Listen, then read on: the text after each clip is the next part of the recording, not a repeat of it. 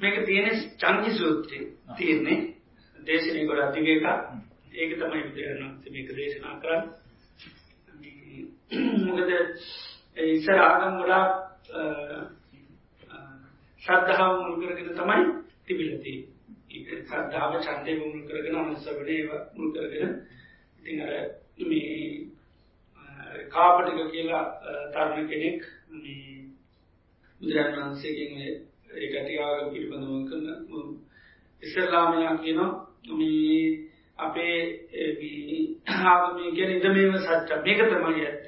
අඥම් Morgan අනි තොක්කම බොරු. එතොට ඒක ඒවිදිරදා පිළියරන්ති ශ්‍රද්ධාව. එතට බුදුරන් වන්සේකට පස් කියන නෑස හිමිතරන්න අපි මේකර කැමැති. එතට බුදුරන් වන්සේයට පෙන්වා මේ ලෝකයේ සත්‍යය සත්‍ය මේක විපාක දෙකක් තියෙනවා. කෙනෙක් පිළිගත්ත දෙයක් ඇත්තා කුණ තොඳයි වැරත්ත පිළිගත්තොත්තයාට එක අනත් එනිසා පෙතරින් අතර වෙන්න හොඳට එකමිතිරි නතරෙක් නැතුව ඒට යායන්නක කියලා එතට තම ක්‍රම තුනබුදු ජාන් වහන්සේ යට පෙන්න්න. මොද ඉස්සර ගොඩා එකට යාක මොක්කම තියන සත්හාවතුළ ඉතර බුදුරන් වහන්සේ එ කියනවා නොගටේගෙන් දැම් ගුරුවරයා කියන්නේ පිළිගන්න කලේ එත ගුරුවය ගුරුවර කියලා තියෙන පිළිගන්න. ඔක්කෝම හැබැ කවුරුත් තමම් පත්්‍යයස දැකලාබෝධ කරගෙන කියනවා එතුරගෙන ආගන් අරපු අය ඒකාටවා අට්ටක වාම දේවෝ වගේ භාගිය ඕගේ කට්ටිල තින ආගන් අදපුයි එතට ඒ අය මොකද කළ තිනේ අය මේ තමන් පත්‍යශයම අවබධ කරපු එකක් ගැන නෙවේ කියන්න. එත බුදුරහනස් කිලෝ කට්ටගේ ආගන් හරිට අන්දවේලු පරම්පරාවක් වගේකින් අන්දයෝටිකක් එකතු වෙලා ගවනක් යන ඔක්කෝම හැමිටියලගෙන ය ඇබ පලවෙනී යනන්ද යන්න එන්න කෝදයන්න කිය අන්ත දිස්කන ඉති මේ ආරමික දෙනවරයට යත්තේ කල්ලගෙන යනවා. කොයි අන දෙක කවුරු දන්නේ තුමුදයන් අස්ක නොගති ආගනු ආන්නේ වගේ තමයි කියලා. ඉටවල තමයියක් කියන නෑ අපි මේ පිළිගත්තා විතරන්නවේ කියලා. ඉටවල අනත එතර පුදර අස්කන මේ පහ තුළ විපාක දෙකත් තියෙනවා.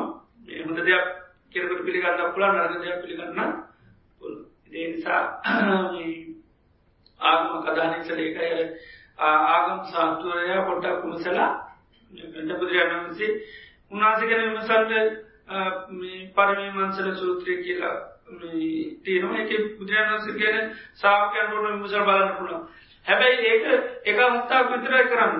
යාපිගම අපට ඉගෙන ගන්න මොනවල් විශේකට පිදුරුව රේතුර කරන්න එතට අපි ඒ විමසීම හැමදාම කරනවා ඒක පරක්කර තෝරගන්න ගතන්නේ අප තෝරගත්තර පස හැමදාමය ගැන සැක් කර කර ගියත් මොද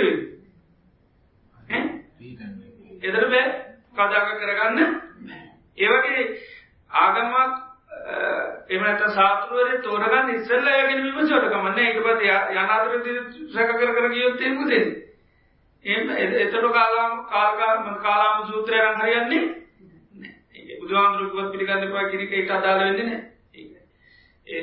එනිසා ශාත්‍රරේ බාරගන්න ඉස්සල්ල විමසන්න පොළ මේ ඒ සූත්‍රයත් පෙන්න්නනවා ඉස්සල්ල බිශ්වාවක් ඇසරු කරනවාන එම නැතන් සාත්‍රරේ ඇසරු කරනවාන ්‍රනසිකනොයා බලන්ටගෙනයා මොන හිකින් දෙකරන්නේ මනාදාසිත කතා කරන ඒ රාගදේශ මොහතිරවාද ඉති ඒව බලන්නකි නො ඉස්සල විමසල ආනේ බලවට එයට අන්න සද්ධාව උපදිරු මෙයා මේ මේම කෙනෙක් මෙයා මේක දැනක අවබෝධ කරන කතා කරන කෙනෙක්.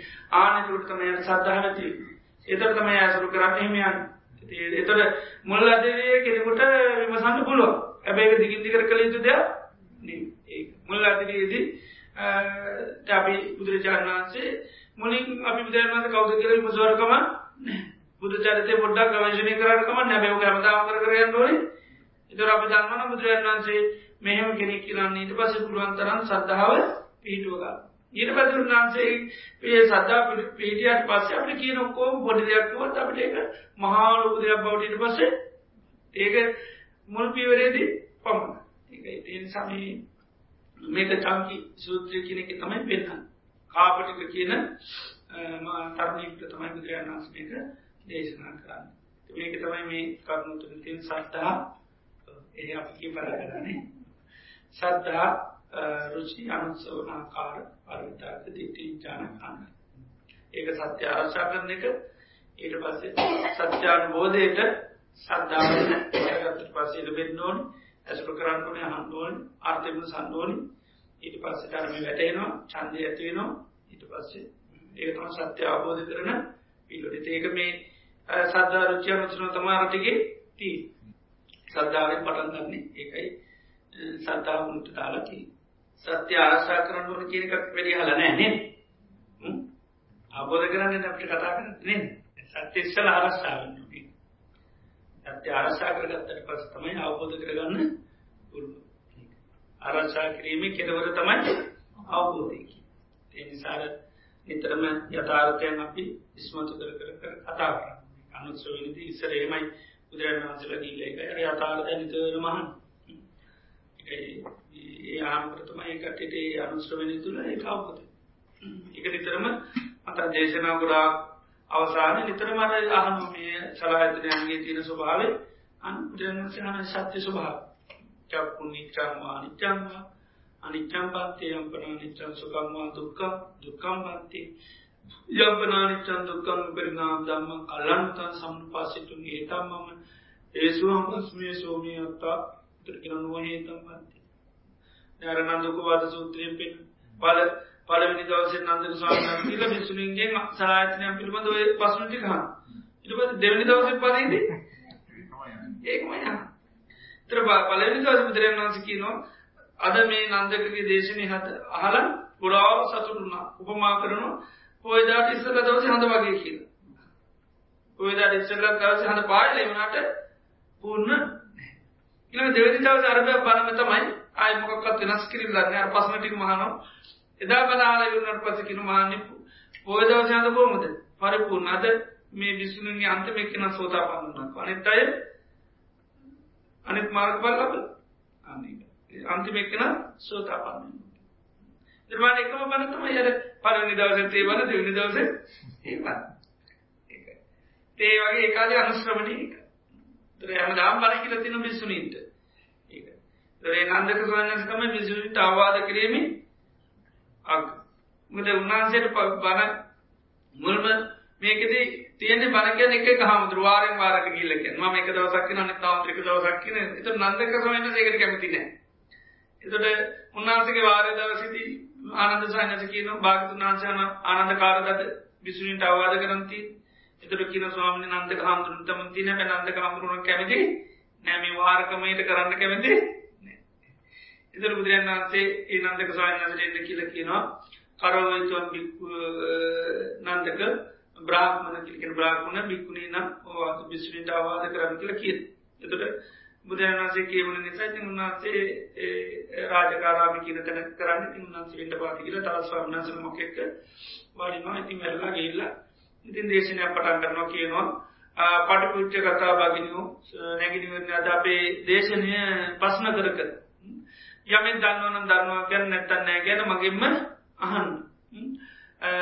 මොකද ස්වාමිනි මේක අර්ථය කියලා මගේ මහන්න කියල කියන තොට බිසුනිට ලොකු සතුරක් ඇතින අනේ ආහාමුදුරුව අපට පැවරුවා කියලා ලොකු ප්‍රීතියක් ඇතිවම මේ දේශනය පටන් ගන්න ඊට පද තමයි හන්න තංකින් මංජති බගනියෝ නැගතිවරී ඔබලක් කොහම හිතන්නේ? චක්කු නිච්චන්වා නනිච්චාමතර කින අනිත්‍යයකනයක කින කොහොමද ගත්තිය අනිත්‍යය කියල කිය ඉතරකිනවා උබේහව බන්තේ සම්මපඥයි සුදිත්තන් චෙයිමී අජ්ජත්තික ආයතනා නිච්චා ස්වාමිනි අප කල්ලතුවම මේ ආධ්‍යාත්මක ආයතන අනිත්‍යය කියල නොබාන්නට සත්‍ය ආරසා කරගනින්නේ ඇත්තාරක්ෂා කරග දරාන කෝමදකට මේ කලින්තය කල කියන්න? දරගෙන පුබ්බේහේව කෙන කල් ඇතුවම සම්මපඥා සුලිට්ටන් අපි මනාමනින් දැක චෙයිමේ අජ්ජත්තික ආයතන අනි එදර මේ අවබෝධ කරගත්තයද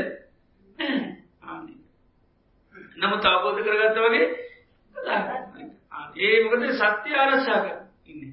ඉති ඒ විදියට ඒකාලේ භාවිතා කරම කරමි අදාපේම හෙට පතන්ගත්තොත්තේම ආමුදුර දන්න බලටික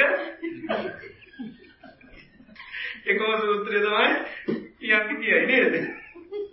ඒකාල ආකල්ප සම්පත්තියනේ වෙනස්. ඉති නිසා ගැටලුව ඒක දැන් අපි කාගෙන් හරි එක පාට රිට්‍රීට් එකට ගිහිල්ලා හොත් චක්කු නිච්චන්වා නිච්චන්වා කිය. ඕක තාන්න දෙයක් දාන්න කියලා නේද? ඉතින් කියන්නේ ඕක තාන්න දෙයක්. අපි දන්නවනේ අත කොහමත් අනිත් ඒකට ඒ නිසා ආන්න දෙයක් නමුත් අපි අකුසල් පැත්තෙන් එහෙම කාගේරි අගුණයක් කිව්වොත් එහෙම අනේ ඔය අගුණේ මං ගුඩුව වාරවල දිහාලා තියෙනවා කියලා එකක් තියෙනවා. එහෙම එකක් නෑ. නේද? දැන් අපි අකමැති කෙනෙකුගේ අගුණ පුළුවන් තරම් මොකේද කැමති? ඉතින් දහස් වාරයක් කවුරු හරි ඇවිල්ලා කිව්වොත් අරය හරි මෝඩයි. දැන් ඉතින් ඒක අහන්න කොච්චර කැමතිද? කොච්චර කිව්වත් කිසි ප්‍රශ්නයක් නෑ. අනේ මේ මෝඩ කතාව මං අහලා දිනෝක ඇද්දි කියලා කියන්නේ ඒ කියන්නේ අර අර අනිත් පැත්ත පහත් කරනවට අපි හරි කැමති. ඒ නිසා අරක නිතරම අහන්න කැමති. අනුසුරේ ඡන්දේ තිබ්බ ගමන් ඒක අනුත්තර වෙන්න අහන්න කැමති. අහන්න හරි කැමති. ඒක. දෙදර බන්නේ අකුසල් පෙස්ටිටි අපිට ඒක තියෙන්නේ. ඒ මේකම අනේ මම ඕක හැමදාම අරයක් කිව්වා මෙයක් කිව්වා කී කිය කියන්නේ නෑ 10 දෙනෙකු විතර අහන්න ලැබෙනවා නම් ගොඩක් සතුටුයි. ඒ වගේ එකක් අපිට තියෙන්නේ. ඒ විතර මේ ධර්ම අවබෝධය හොඳට බලන්න මේ අකුසල් ක්‍රියාත්මක වෙන ස්වභාවයම අනිත් පැත්ත තමයි මේ නිතරම අවබෝධයටත් තියෙන්නේ. ඒකම අනිත් පැත්ත. අකුසල් යම් විදිහකට ක්‍රියාත්මක වෙන්නේ ඒවා හේතුඵල ධර්මනේ. එතන මේකට ඒ හා සමාන අර නිමිති වල වෙනසක් විතරයි. ඒ හේතු ස්වභාවය එකයි. ඒකට දැන් මිත්‍යා දිට්ඨියක් ඇති වෙන්නේ සම්මා දිට්ඨියක් ඇති වෙන්නේ ඒක පෙන්වන්නේ. මිත්‍යා දිට්ඨිය ඇති වෙන්නේ මොකෙන්ද? අසත් ධර්මයයි අයෝනිසෝමනසිකාරය. එතන සම්මා දිට්ඨිය තියෙන්නේ සද්ධර්මයේ යෝනිසෝමනසිකාරය. එතන ඔක්කොම අර හේතු වශයෙන් එකයි. අර ඒවර ඇති වෙන නිමිති විතරයි වෙනස තියෙන්නේ. ඒක ක්‍රමවේද එකයි. ඒකට මෙතන සත්‍ය රසා කරන්නත් තියෙන එකම ක්‍රමයේදී අසත්‍ය ඇති කරන්නත් එකම ක්‍රමයේදී. ඒවා සත්‍යයේදී අසත්‍යයේදී අර නම් මාරු වෙන එක විතරයි විතරයි. ශ්‍රද්ධාව අසත්‍යයකදී ඒකට කියනවා සද්ධාව කියලා කියන්නේ අසද්ධාව කියන අසත්‍යයෙන්. ඒකයි. එතකොට සත්‍යයක් පිළිගත් ගමන් ඒකට කියනවා සත්‍තාව කියලා. සත්‍ය පිළිගත්තා. එතකොට සත් ඒ පිළිගැනීම කියන එක එක දේ අර නම මාරු වෙනවා අනිමිත්ත ඒ කාරණෙත් ඒක. ඒ ඡන්දයත් එහෙමයි. රුචියත් එහෙමයි. ඡන්දය ගත්තොත් එහෙම කුසල ඡන්දය කියනවා අකුසල ඡන්දය කියනවා. ඒ විදිහට මේ එකම දේ අර නිමිති එක තමයි මාරු වෙන්නේ. එතකොට අපි දැනගන්න ඕනේ අකුසලයක් යම් විදිහකට හටගත්තා නම් ඒ ක්‍රමෙම තමයි නැති කරගන්න තියෙන්නේ. අර මාරු කරන්න තියෙන්නේ නිමිත්ත විතරයි. ඒක. හිතට මේ රාගයක් හටගත්තා නම් රාගය තුනේ පටික නිමිත්ත අයෝනිසම ඒක නැති කරන්න නම් මෙත්තා චේතු මුත්‍යයි යෝනිසෝමනසිකාරය. ඒකම ක්‍රමවේද. ස්වාමීන් වහන්සේ මොකක් හරි මොකක් හරි කරලා තියෙන පරණ දෙයක්. ඔව්. විතර මතක වෙනවා නම් දැන් දැන් මොකක් හරි පාපයක්. ඔව්. අපි ඊයේ කතා කරා පාපේ පොඩුට එන්නේ එන්නේ ඒකට කැමැත්තක් හින්දා නෙවෙයි අපි හිතමු මොකක් හරි අකමැතිව දෙයක් තියෙනවා මොකක් හරි ඒක නිසා ඒ වගේ එනවා නම් ඔව්. ඒ වගේ එකක් කොහොමද නවත්තන්නේ? ඒකත් ඉතින් අර තියෙන්නේ අපි කියවට කියන්නේ කැමැත්ත හින්දා තමයි එන්නේ. ඒක ඇතුළතේ කියන්නේ ඇතුලේ තියෙන කැමැත්ත හින්දා. දැන් මේක මම කියන තත්ත්වෙ නේද මම කැමති නැත්නම් මට අයින් කරන්න පුළුවන්. මේක හේතුනේ. ඡන්දය කියන හේතු ඇතුලේ සකස් වෙලා තියෙනවා. ආන්නේ හේතු නිසා සකස් වෙන එක. තේරෙනවද? දැන් අපි දැන් මම කියන ආත්ම මේක තියෙනවා නම් අන්න අපිට කියන මම අකමැති ඒ නිසා නතර කරන්න පුළුවන්. දැන් අපි සාමාන්‍ය මේ උඩින් කැමති නැතුණාට ඇතුලේ හේතුවක් ඇතුලේ කැමැත්ත සකස් වෙලා තියෙන එක. මුල් බැලලා තියෙන මුල් තියෙනවා. සත්තු මරණය කියන්නේ අපි හැමෝම සත්තු මරණ දෙනවා. ඔව් ඔව්. ඉතින් ඒ වගේ එකක් අයින් කරනවා කියන්නේ අපි තුමු අතුරු මරණ එකක්. ඔව්. ඒ ඒ වගේ එකක් දැන් කැමැත්තක් හින්දා නෙවෙයි නේ කියන්නේ. දැන් කැමැත්තක් නෑ ඒක. ඔව් කියන්නේ මේම එතන කැමැත්තක් තියෙනවා. ඒ කැමැත්ත තමයි අපි අපිට අපි හිතන්නේ දෙයක් කරපුවාම පසුතැවුණොත් මගේ පාපය අඩු වෙයි කියලා. එහෙම කැමැත්තක් ඇතුලේ තියෙනවා. ඒකයි පසුතැවෙන්නේ. නැත්නම් පසුතැවෙන්න අවස්ථාවක් නැහැ. පසුතැවෙන්නේ නෑ පාපය අඩු වෙයි හින්දා නෙවෙයි පසුතැවෙන්නේ පේන්නේ. මොකද? පසුතැවෙන්නේ ආදීනවේ පේන හින්දා නේද? ඒක තමයි ඒක කියන්නේ. ආදීන කියන්නේ ඒක හොඳ නැහැ කිය. දැන් හොඳ නැති දෙයක්නේ. හොඳ නැහැ කිය කිය අපි කම්පා වෙන්නේ ඇයි? මොකටද? හේතුව. හරි පස්සේ කාලෙක ඒ කියන්නේ අපේ අපේ අපේ තියෙන එහෙම වුණත් ඒක නැති වෙයි අඩු වෙයි කියන හැඟීමක් තියෙන ඇති. ඒක හින්දාද නැත්නම් අපි එකෙන් අපායට යයි කියන බය. මොකද? එකෙන් අපි අපායට නැත්තම් නේ. ඒක තමයි අපායට කියන බය කියමුකෝ. එතකොට අපි හිතනවා එහෙම කම්පා වුණොත් අපාය යන එක වැරදි කියලා. එතකොට අපි කියන්නේ ඒ ස්වභාවයට ඊට පස්සේ කැමති කියන්නේ. කියන්නේ දැන් අපි හිතනවනේ මං කම්පා වුණොත් එහෙම අපාය යන ගමන වලකින්න පුළුවන්. ඉබ්‍රාහිම් හාමුදුරුවෝ මොන දෙයක් කරලා කම්පා වෙලා හිතන්න පුළුවන් අපිට පව් ටික අයින් කරගන්න පුළුවන් කියලා. ඒක තමයි ඒකනේ කම්පා වීම වැඩක් නැහැ කියන්නේ. නමුත් අපේ ඒකනේ අපි කියන්නේ මේ සත්‍ය අසත්‍ය ඇටියට අපි ඒක සත්‍යයක් වගේ පේනවා. ඒ කියන්නේ අපි හිතන්නේ දැන් කම්පා වීම තුළ අපිට අකුසලයේ කොවමේ ඒ මොනවද හැඟීම් අපි තියෙනවා. ඒ නිසා තමයි අපි පුරුද්දක් වශයෙන් කරන්නේ. නමුත් කම්පා වීම තුළ අකුසලයේ බල සම්පන්න වෙනවා මිසක් වැඩි වෙන්නේ ඒ නිසාම වර්තමානයේ අපි ඒකයි ඒක වැරද්දක් අකුසලයක් අසත්‍යයක්. ආන්නේ නිසා අපි ඒකයි ඒක අපි අපිට මතක් වුණා කියන පරණ සිද්ධිය. ආන්න එතනදී අපි සිහිය දැන් සිහිය පිටවාගෙන බලනවා මේ විදිහට මං කම්පා වීම සැලීම තුළ මේ අකුසලයේ කීයටවත් අඩු වෙන්නේ වැඩි වෙන්නේ මුත් වෙන්නේ කියන්නේ ආවම වෙලා නැති වෙලා යන්නේ මේක අකුසලයක් පාපයක් කියලා දැන් වර්තමානයේ ඒක පිළිගන්න. මේක මගෙන් වෙච්ච වැරද්දක්. ඒක සත්‍යයක් විදිහට පිළිගන්න. මේක මගෙන් වෙච්ච වැරද්දක්. ඒ නිසා මං ආයේ මේ වගේ පහත් ලාභ ක්‍රියාවක් කරන්නේ නැහැ කියන අදිෂ්ඨානට එනවා. මොකද මම මේක හිතුවත් නැතත් ආයේ මේක වෙනස් කරන්න පුළුවන් එකක් නෙවෙයි. හිතනවා කියන්නේ මේක තව තවත් බල සම්පන්න. ඒක ආදීනයි. කියන්නේ කල්පනා වීම ගැන ආදීන විතරයි. එතකොට ඇතුළාන්තයේ තියෙන ඡන්දය මොකද වෙන්නේ? නැති ඒක මේක මූලයේ කැමැත්ත කැමැත්ත නැත්තම් එන්නේ අපි මොනවාරි කැමැත්තක් තියෙනවා. ඒකයි. ඒක මොනහරි කැමැත්තක් තියෙන එක ආව කරගන්න කැමැත්තක් හෝ අපායයි කියලා බයට කැමැත්තක් හෝ ඒ කියන්නේ අපාය නිදහස් වෙන්න ඕනේ. ඒක ඒක විපාකේ තදින අවශ්‍යයි. ඔව් ඒක ඒක අවම කර ගැනීමට තියෙන කැමැත්ත. කැමැත්ත. ඒක අවම කරන්න බෑ කල්පනා කිරීම තුල. දැන් අපි කම් ප්‍රශ්නයක් කල්පනා කරන්නේ. දැන් ප්‍රශ්නයක් කල්පනා කරන්නේ විසඳ ගන්නද වැඩි කර ගන්නද? ඔව් ඒක විසඳ ගන්න කියන්නේ ඒක. ඒතර අපි කියන්නේ මේ කල්පනා කිරීම තුල විසඳෙයි කියලා අපි දන්නේ. ඒතර මේ කල්පනා කිරීම විසඳෙනවා නම් කල්පනා කිරීමට කැමතියි. තේරුණාද? කියන්නේ කල්පනා කිරීමෙන් ප්‍රශ්නේ විසඳෙනවා නම් කල්පනා කිරීමට අපි ඊට පස්සේ කැමතියි. ආනිසංස දෙයක් නේ. කියන්නේ කල්පනා කිරීමෙන් ප්‍රශ්නයක් විසඳනවා කියලා අපි දන්නවා නම් ඊට පස්සේ ඒ දැනගත්තට පස්සේ කල්පනා කිරීම කියන කාරණේට අපි කැමතියි. ඒකයි හිතට අපි අර ප්‍රශ්න කල්පනා වෙන්නේ. ඒක. ඒතර ඒක ඇතුලේ තියෙන ඡන්දයක්. ඒතර අපි යන්න දැන් බලනවා කල්පනා කිරීම තුලින් අකුසලයේ වැඩි වෙනව සක් අඩු වෙන්නේ නැහැ. එහෙනම් කල්පනා කරන එක නෙවෙයි කල්පනා නොකර ඉඳීමයි ඉන්න ඒකයි ඒතර කල්පනාවක් ආපු ගමන් කල්පනාවත් ඇරලා. කල්පනා කරන්නේ නැහැ. ඒතර ඒක ඔක්කොම ඡන්දයත් එක්ක තියෙන්නේ. ආනිසංශය දකින්න නැත්නම් ක්‍රියාවක් කරන්නේ. ඒවා හැබැයි ඇතුලේ තියෙන මුල්. ඒවා එහෙම දැන් එහෙම කැමති වුණා කියලා ඒ මුල ගලවන්න බෑ. එකපාරට. ඒක ගලවන්න ක්‍රමය තමයි අර ආපු කියන්නේ කල්පනා කරන එක අවම කිරීම. අවම කරනකොට අර ඒ කල්පනා කරන්න තිබුණු ඡන්දය මොකද වෙන්නේ කැඩෙන්නේ.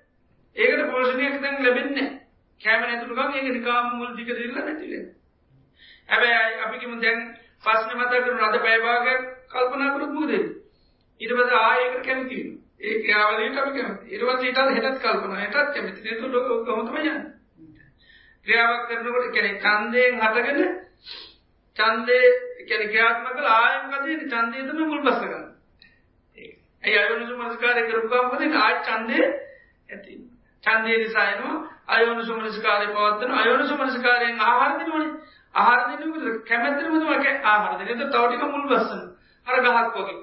ගහේ මොටයි එක්කෙනවා මොටයි එක්කෙනවා මුල මුලෙන් මොටයි එක්කෙනවා මොටයි ගෝල වතුර දැම්ම ගමන් ඒක ගහක් වෙනවා ගහ ඇදුනොත් මොකද වෙන්නේ මුල් බල සම්පන්න වෙනවා අනේ එතකොට මොටයි කඩ කඩ හිටියෝ අර මුල් වල තියෙන Java අඩු වෙනවා Java තියෙන කමොටයි වෙයි Java නැතුණම පදාය මොටයි වෙන්නේ ඒ වගේ තමයි සිතිවිලිත් ඒක අපිට දැන් ඒ වගේ අතීත ඒ කරපු අකුසල මතක් වෙන්නේ අපි ඒක නර පසුතැවිච්ච නිසා. එතකොට අපි දැන් වර්තමානයේ අපි දන්න පසුතැවීම කියන්නේ නීවරණය. ඒක හොඳ නැහැ. ඒ නිසා අපි වර්තමානයේ පසුතැවෙන්නේ නැති වෙන්න සීයෙන් පුළුවන් තරම් ආදීනු බල බල ඒක අපි දුන් සාමාන්‍ය ඉන්න වෙලාව කරන්න පුළුවන්. පසුතැවෙන වෙලාවේ නිකන් ඉන්න. මට මේ වගේ මගේ අතින් වෙච්ච අකුසලයක් මතක් වෙනවා.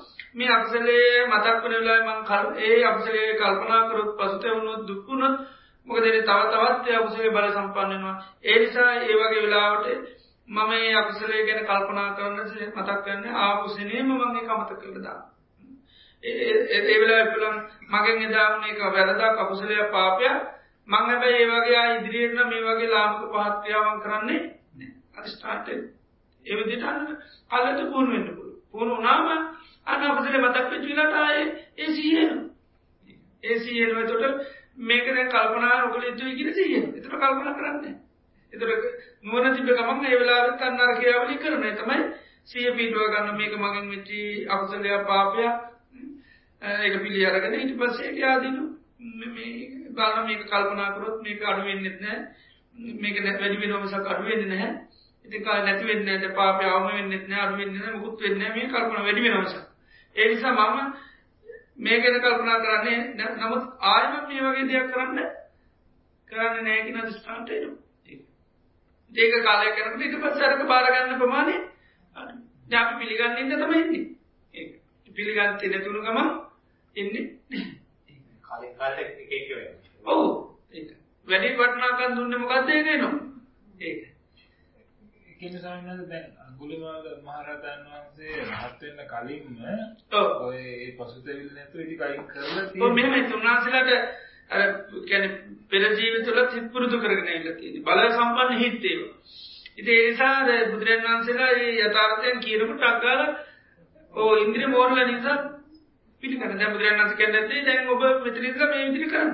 එතුට බුද එයා පරණතිීත ඊටක සීකර කරටන ඒවයි නැති මතකට නකොටම දන්නව කරන්න ඕනති ඇබුදුරන් වන්සට කමටන් කියල දිල තින කරන්න ඕනදේ නිසා ඉන්වන්සලා අර පෙරජීවිතවලදී ඉන්ද්‍රිය මෝරණ අපුයින ඉති එනිසාතම ඉක්මනින්ම ඒක. එයාට දැ බුදුරන් වන්සේ ගොඩාසී කල දෙට ඔන්න බන මහගොඩක්කි වෙන එයාකිව සමනය ඔබ නතර වෙන්න. සබදවන්ක ඔවු මන් අතරලයින්නේ ඔය නතර වෙන්න. එතර මේ බොරු කියන්න එපා. නේද? ඔයා විදිත්ති නේද? ඔය බොරුවට කියන්නේ මේ නතරලා කියන්න මම තමයි නතරලා ඉන්නගෙන එතර කිවා මේ මම නතරල්ල ඉන්නේ දඩුමුගුරු අතඇල ඒකෙන් නතරලන්න ඔයා තාම දඩුමුගුරු වැරම් පවකර කර සංසාරය එන ඔයා නතර එතර තම ආසමනය බොරු කියන්නේ එමන ඇතිගෙන තුර තම මොකක් දෙක ලිට පත්පු දයන් වන්සේගේ තර ඒට කියනට බෝදුරු අර පසකමර්තය කිව මේ දනමුගුරු එක තව කියනට අවබෝධුණ මුලින් බුදුරන් වසකිවා මම නතරල ඔබ නතර වෙන්න. තුර කිව සමනය බොරු කියන්නේ මොකර මෙයාගේ තීරවා මොකක්ද මේ නතරලයින්න ගැන හව ගාතායකුම හෝ ඔබ මේ ඇවිදි මොකක්ද මේ නතරලයින්න කතාව? තේරු දෙදර බාන්න ජයන් සීකරල දෙන්න ඕන පොට්ට සිය තිබුණා. එතොට බන්න ඒ සත්‍යය ජතාර්ථයට සද්ධාව තිබ කැමැත්ත තිබුණ ඔක්කෝ තිබුණින්ද තමයි සත්‍යය ප්‍රකාශ කනට අපතිශම කරන ආන්නේක ඒ සත්‍යය දේකයි අසද්ධානස ටක්කාල පිළිගත්ත. කැමැත්ත නිසා ටක්ගලයි බුදුරන් වහන්සේගේ මෙයක් පස්සන තිරන ඇයි මේ සමන මෙහෙම කියන්න? සමනය බොරු කියන්නේ නැහැ. එතොට ඇයි මේ සමන ඇවිදි තමන් ඇවිදිල නෑ කියල කියන්න? මොකත් අර්ථය කියල බුදුරන් වහන්සේ. එතර මුන්නාසිකවා මම මේ ධර්මගුරු අතෑරුණක මම් දැන් අතර ලයින්න ඔයා ධර්මගුරු ගත්තින්ද ඔය සංකාරතාම ඇවිදිල යන්ටය ආනි උතරමන් පොඩි මේකෙති යාගේ සම්පුර්ණ සිය පිට ඊට පසිතින් මානවනා ති ඉක්මනිම රහත්තුන ඊට පස කොමත් අරෝගෙන පසුතවචය කොමතිගේ ඊළඟට අපාටිරයට වෙනවා. නමුත් ඒ අර කියන පච්චිම බවක සත්‍යයගේ දේයට කොමත් අනිවාරෙන්ම කැන ඒ පීට ලැබෙනවයි කටට ඒකට අවශ්‍ය පසුබෙන් හදාන තිය නමුත් සමාජයගේ පසුබින් විනාශ කළ දාන්න පුළුව හැබැයි පච්චිමකද භාවක සත්‍යයන් විනාශ කරාට එක නැතිවෙන්නේ අනිත්තයක විනාශමට අදසත්ත කුමාරය කන්නේ එයාට කැන සෝතා පන්වීම පසුබිම තිබ නමුත් සමාජයෙන් ඒකමකද වුණේ විනාශ කරලද අංගුලි මාලක විනාශ කරට එහ විනාශ කරන්න බෑමක දෙයාගේ මේ ඉන්ද්‍රිය මේරීම ඉට වැඩි ගොඩක් වැඩි. ඉන්ද්‍රිය හදි බල සම්පන්න. ඒක බුදුරන් වන්සට තමුලි මාල අතර දරුන්න මහා ගොඩක් බලක වෙන එක ගත්තා එක ගතාව කියන්න. ගදයා ගැන ගොඩා ඉන්ද්‍රිය ධර්මය මෝරාගෙන අපපු අය ඒකයි නමුත් සත්පුට සැසුරෙන්නේ තමයි ඒ තත්තර පත්තුරු එහෙම වෙනවා ඒකයි ඔබවාසේ දවසේ කලින් කිව්වේ කර්ම විපාක දෙනවා විපාකේ කර්ම හදනවා. ඔව්. ඒ ඒ සයිකල් එක යනවා වගේ. එක්කෙනෙක්ට හරි ගියා අනිත් එක්කෙනාට වැරදි. මොකද අරයාගේ තියෙන්නේ ඉන්ද්‍රිය මෝරලා අඩුයි. ඒකයි. මෙයාගේ ඉන්ද්‍රිය මෝරලා බල සම්පන්න වැඩි. කියන්නේ මෙයාගේ හොඳට පේන අරගේ චුට්ටිය හැත්තිබ්බ ඒක මර ටිකක් ගැවි ගමුගදුනේ. තිබ්බ ටිකත් ඉවර. මෙයාගේ එහෙම නෙවෙයි. මෙයාගේ මඩ ගැහුවත් මඩ හොදන්න පුළුවන් තරමට ඇස් හරි බල සම්පන්න. මෙයාටත් මට ගැහුවා. මට ගැහුවට බුදුරජාණන් වහන්සේ හොදන්න පුළුවන්. අරයාගේ මඩ ගාපුවා එයා අන්ත වුණා. අන්තුන පස්සේ එයා කරපුවා හරි බරපතල වුණා. ඒකයි. ඒක මොකද එයාගේ ඇස් ගොඩාක් පැහැදිලා කියන බල සම්පන්න අපගෙන ඉන්නේ එයාගේ සද්ධාවේදී එයා තිබුණා. ඒවා හැබැයි බොහොම ලපට තත්ත්වෙ තිබුණේ. ඒ නිසා තමයි බුදුරජාණන් වහන්සේ දැක්කත් මේවා තිබුණත් එයාගේ අනිත් පැත්තේ පහ වැඩි. පිළිගැනීම තිබ්බේම රජ වෙන්නේ. කැමැත්ත තිබ්බේම රජ වෙන්නේ. ඇහුවේම රජ වෙන්නේ නැති. ඒක දේවදත්ත රජ වෙන්නේ නැති කිව්ව ගමන් ඒකට මොකදනේ? ඒක අහන් හරිය කැමති වුණා. අනික මොකද ඡන්දයේ තිබ්බේ රජ වෙන්නේ නැන්ද වැඩියෙන් ඇවේ රජ වෙන්නේ ඒව. මේ කොහොමද රජ වෙන්නේ? ඒව තමයි අහන්න ගියේ. ඈ ඒ නිසා රජ කෙනෙක් වෙන්න ඕනි පසුමින් ඇතුළේ ඇරෙන්න එනිකට. මොකද එයාට ඒ රජ වීමේ කැමැත්ත ඇතුළේ වැඩි. ඉතින් ඒ නිසා ඒ රජ වෙනකන් එයාට රෝතාපන්න වෙන්න ලැබෙන්නේ එයා රෝතාපන්න වෙන්නේ රජ වුණාට පස්සේ. ආන්න ඒක. ඉතින් එයා ඇත්තටම රෝතාපන්න වෙනවා හරියට රජ වුණා. ඒ කියන්නේ තාත්තගේ උරුමේ උරුමේ හැටියට ලැබෙනකොට රජ වුණා නම් එයා සෝතාපන්න වෙනවා. ඒතර මොකද එයාගේ ආසාව ඉවරයි. ආසාව වෙනකොට ආයේ දේවදත්ත ආගමට කතා කරන්න විදිය දැන් රජ වෙච්ච කෙනෙක් ආයේ රජ වෙන්න කතා කරන්න බෑ. ඒක දැන් රජ වෙන්න ආසාව තියෙනින්ද ආනේ කැමැත්තට දේවදත්ත ආගම ලස්සනටම අනුසරණේ ලබා දුන්නා. දෘෂ්ටියකම වැඩීමක් ඇත දුන්නා. ඔය රජකම කියන්නේ මේ වයසට ගිහිල්ලා කරන එක නෙමෙයි. තරුණ කාලේ කරන්න ඕනික. ඊටවස තමයි එදේ පුද්ගලයාගේ ඡන්දය තිබින්ද මුල් තිබින්ද යට ලේසුණ ගහක් හදවා. ඉතේ වගේ මේ නමුත් අර මෙයාගේ ගත්තොත්තේම අංගුලි මාල්ල ගත්ත ඉන්ද්‍රිය අරයගවා ගෙන මේ බලය සම්පන්නේ හැබැයි යාට යම් විදියකින් එයාත් නොම ගවන්න පුළුවන්. එයාගේ නොම ගියකි එයාගේ කුසලතාවල. එයාගේ තිබුණු ඕ කුසලතාවින්ද තමයි යා නොම ගන්නේ. එයාට කීකරු ශිෂ්‍යයෙක්. ඉතින් ඒ නිසා ගුරුවරයාට කීකරුකම ඉඳ තමයි අන්නේ දේ උනේ. අගේ කරු කෙනෙක් නෙවෙයි. එයා බොහොම කීකරු මුළු මේ මේ ගුරු කුලයටම ගරු කරපු කෙනෙක්. ඒ නිසා අනිත් අය මොකද කරේ එයාට එයාගේ හොඳකම නිර්ශා කර. ඒ විශ්‍යාව නිසා තමයි ගුරු ගුරුවරයාට ගිහිල්ලා අර කියපු කතාව තමයි කියලා කිව්වා. ඒකයි. ප්‍රධානම වරි කැමති?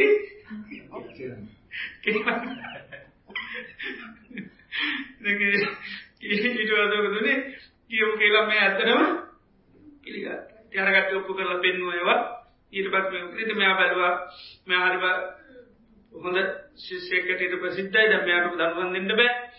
සමාජය කවරුත් දැන් අහල්වාසයෙන් ඔක්කොම දන්නේ. අහිංසක තමයි හොඳම ශිෂ්‍යයා. දැන් සම්මානයවත් ලැබෙන්න ඇතිනි නිල් ඒව ලැබුණ හින්ද දැන් පෙස්ට කල තින්න ඒකර තිබුණු පේස්බුක් කලේම දාන්න ඒම කෙනෙක් කුලන්දරයක පාට මරන්න. මරන්න බෑ නේද? ඒමගෙන මරන්න බෑට ප්‍රසිද්ධයන දැන් අහිංසක කියන්නේ හොඳම ශිෂ්‍යයා. දැම්මයා එම මරන්න බෑ. ඒනිසා මෙයා ඉතු අපක්‍රමය මෙයාගේ තියෙන දුරලතාවය ගත්ත මරන්න යාගේ තින දුරලතාව දුරලතාවනේ කුසලතාවක් එයා දැක්කේක මොකක් හැටිද දුරලතා කීකරු එයා හරි කීකරු ගුරුවරයාට පණ දෙන්න උනා ලෑස්ති. ආන්නේ නිසා ඒක තමයි ගත් එයාගේ තියෙන කුසලතාව මෙයා ගත්ත මොකක් හැටිද දුරලතාවයට අර අතනත් එවනේ රජ වෙන්න තියෙන දුරලතාව දේවදත්ත පාවිච්චි කරා. මෙතන ගුරුවරයා මෙයාගේ තියෙන කීකරුකම අන්න එයාගේ කැමැත්තට ගැන යාගේ අවස්ථාවට පාච්චි කර. එනිසා කිව්වා ඔබ දන්නවා මේ අහිංසක ගුරුවරයට ගුරු පරුණු පූජ කරන්න. ඒනිසා මට හරි ආසයි ඇගිලි මාලයකට. ඒනිසා මට ඔබ ඇගිලි මාලයක් ගෙනලද ඉතින් ඒ නිසාමගදුන්නේ මෙ පාදගත් මේ අයිති ගුරුවර හිතීමකද ඇගිලි දෙගත්තුනක් කපනුට අයින්සකට පිස්සු ඇතිලා මිනිසු ඇගිලි කපුනන්න මිනිසුම මල්වටන්න එතට නිකම වැඩේ එය හිත වෙයි කියල. නමුත් ඒ එතට මෙයා හරි චේදානත කෙනෙක්. මෙයා දැනගත්ත මට දෙන්න මොකක්ද මාව නොමගැන් දැබැයි තුරුව එයාට ඒවෙලා එකනෙක්ෂ තුනා ගුරුවයට පෙන්න්න මන් කවුද කියලා. ඊටවට තමයි එයත් ඒ දාමිත චරිතයක් යාට ඕනි කෙනෙක් එක සටන් කරන්න ඒ පුළුව එතර එයක් තේරන ගුරුවරය දම් තමන් තැන් ඒවෙලාට ක්ලේශාව ගුරුවරයත් එක්ක ඔයා මට දුන්න අභයෝගම ඔයට ගෙනල්ලා දෙන්න. ඔයට ඕනි ඇගලි මාලයත්නම් මෙන පරම ගුත්ත පාන අප තාත ඩොමි තරම් සල්ලි තින දැකිව එපාන. ඕනි ඇගලිනි මගෙනල්ල දෙන්න. ඊටවල තමයි අභියෝග භාරගත්තා ඒක කෙලෙස් ඇති කරන්න පුළුවන් සමාජයට තියට ඇතම ක්ලේෂක් ඇති කර. එයාගේ තියෙන සත්‍යයට දුන්නා බර එය බරවුලන්න පුළුවන් කෙනෙ එයා බරගත්තයි එයා දන්න මට ඇගි මාලයක්ගෙනක මහකේෂක ඉති නිසා අභියෝග භාරගත්තා ඊටවත තමයි මරාගෙනකි ඉතින් ඊටවත මිනිරු රංචු කරන්නාවත් එයා මුකුත් කාරව කරන්න මොකද එයාගේ විනෙන්ම ලැබිච්චි චේද සත්තිබු ඒ පින් පුුණ්‍ය චේද සින්තමයි එය හරි මේ චේදානත නමහනකට මිනිසු වෙවුල ඒ තමයි වෙවුලන පසේ බුදුරන් වන්ස නමට ගිනි අඟුරු කබලක් පූජ කරලති සීතනය වෙවුලන පසේ බුදුරන් වන්ස නමකට ගිනි අඟුරු කබලක් පූජ කරලති නානක චේදස තමයි. එක පුුණ්‍ය පාගයක් එක්ක ඉළඟට යාගේ අර කුසර තාත්තක යුද්ධ ශිල්පේවා දනු ශිල්පය හොඳ ඉගෙන කට්ට නිකම නෙවේ තේ අර එයට පුුණ්‍ය සත්‍යයක් එතන ආව. ඒනිසා හරි තේදානට ඇති මිනිසු කොච්චරාව එය පස්නයකුන්නේ න. නොකෝග මල්ල මල්ල මල්ල ඉර්වත් ඇක්දී තැන්තැන්වල තිබ්බ සත්තුකෑ ඉට පස් හරියන්නේ වැඩි. ඊටවදමකද කරේ? මාලයක් කතාගෙන බෙල්ලිම දාගෙන අප කප කිය එක යඩුනේ දර එකක් අඩුවෙනකට ආසාාවදුනේ යාගේ අවසතාව දැන් නිකාම ගිලිලා කිය දැන් හිතුව ඇති මෙච්චර මරුමට එක්කෙනෙක් ඒසක එතකම් හිටිය බුදුරමකද අර අවස්ථාව තිරවට බුදුරන්නාද කියන හරියන්නේ එයාගේ අර එක දුරුවරට ගත්තන යාලු මේක ම ගුරුවට කෝමර ගිල්ල ටික පේන්න ඉති ඒනිසා ඒක කරනකම් එයාට ගිල්ලා අර අදාතුමා රජවෙනවාගේ තමයට මෙයට අගනිවාලය අතරක කයි කාටුවත් මෙයා හරවන්න ඇබැයි එකක් අඩුවෙනකට ති ඒක මොකක්ද යට? එතට එයා කර නිකම් කැන අභියෝගය දැන් එයා ජයගෙන අහවර ඒක ඒ වෙලා කම්ම ගියත් අර මන්න සයිසිකිතිමක දෙයක්ත්තැන් මේ කායර කමන්න මේක ඉෂ්ට කරල දෙන්න. මේ එතමක දැන් ජයගෙන දී තේනිසා තමයි බුදුරන්න සවසාන මෝතිකි උන්නට දන්න දැන් තමයි මෙයාව දමනය කරන්න තියෙන අවස්ථා. මොද කල්ලතු ගීල්ල බෑ දමනය කර නහන්න ඇකිරද ඒක. එද ඒවගේ බුදුරන් වන්සේ යන්නේ ඉති මෙයාගේ අවස්ථාව දැන් සීයට අනු නමයක්ම එකයි අඩු. ඒක. කපාගන්න තමයි බුදුරන් වන්ස පිටි පස්සේ එතට තමයි බුදුරන් වන්සේයට ඉදිතුමේ වසයනොත් උපයෝග කරගෙන යාව දමනය කර ඉතිේ වගේ අයට ඉන්ද්‍රිය මෝරපෙන්දා ගැලවුණු. ජනිත ඒ වගේ විදයක්නොත් විනාශ වෙලා ඒ වගේ ගොඩක් නොේ දුෘෂ්ටි මතවලට යනයින්නවා ඒ සමාජගත වනම් පදමකද උපදින සමාජ මොන තත්ව තීද කියලා කියන්න බැහැ ඇකේ මමසබරන් ඉබදුනේ රාජ පුලෙට ඉබදුන ගම රූපය පිළිබඳ ලොකු වර්ණාතම අනුශ්‍රවණය කරන්න ලැබුණි. ඉති ඊට පසමක දුන්නේ රූපය පිළිබඳ ලොකු වර්ණාත්ම ජීවිතර කියා ඊට පසිතින් එයාට කරන්න තිබුණු රාජකාරයත්මකක්ද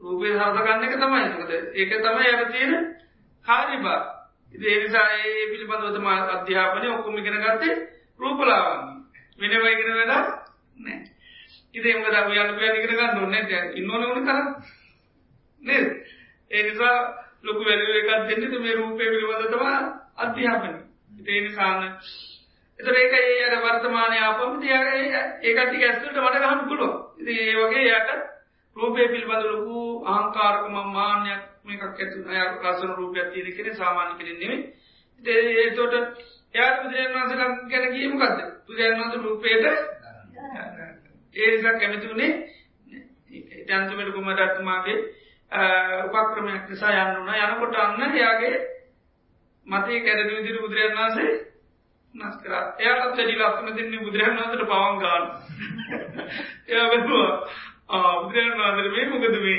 යන්නම යවිලක මේ අයට නින්දා කරන මේ අය කියටුව පවන් ගන්නන්නේ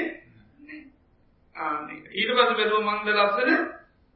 මේ දෙන්නද ලස්ස අන්තිරු බලන්නක නුන එකමකක්ද මට වැඩි මේ දෙන්න හරි ලස්සනයි.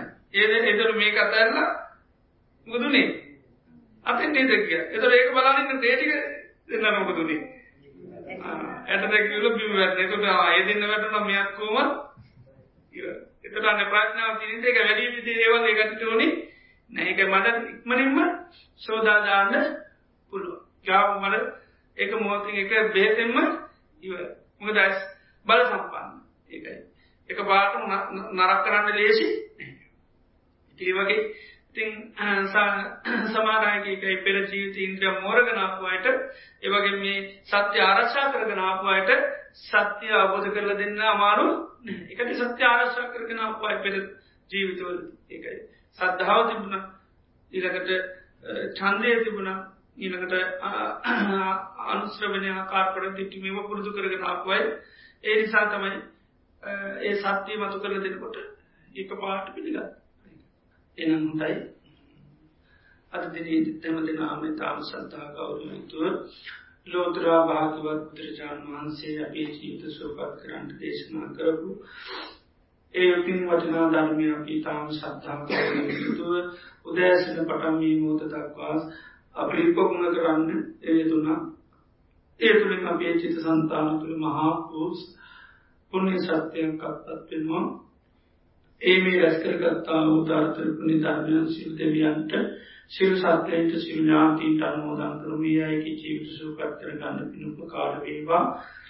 ඒවගේ මරැස් කරගත්තා උදාර්තරපුුණි ධර්මය මත දිනේදීත් අපට මේ උතුම් ප්‍රතිපදාවන් දියුණු කරන්න අපපත්තාන සිත කරපුම දාන මානාදී කටයුතු කරමු. සිල්වාකාරයෙන් උපකාර කරපු සිල්ලුවම දෙනාට ඒ අයගේ ජීවිත සුවපත් කරගන්න සසර ගමන සූපත් කරගන්න මේ සත්‍ය අවබෝධය පිණිස යට මේ පින් උපකාර වේවා කියලා නම්මුදා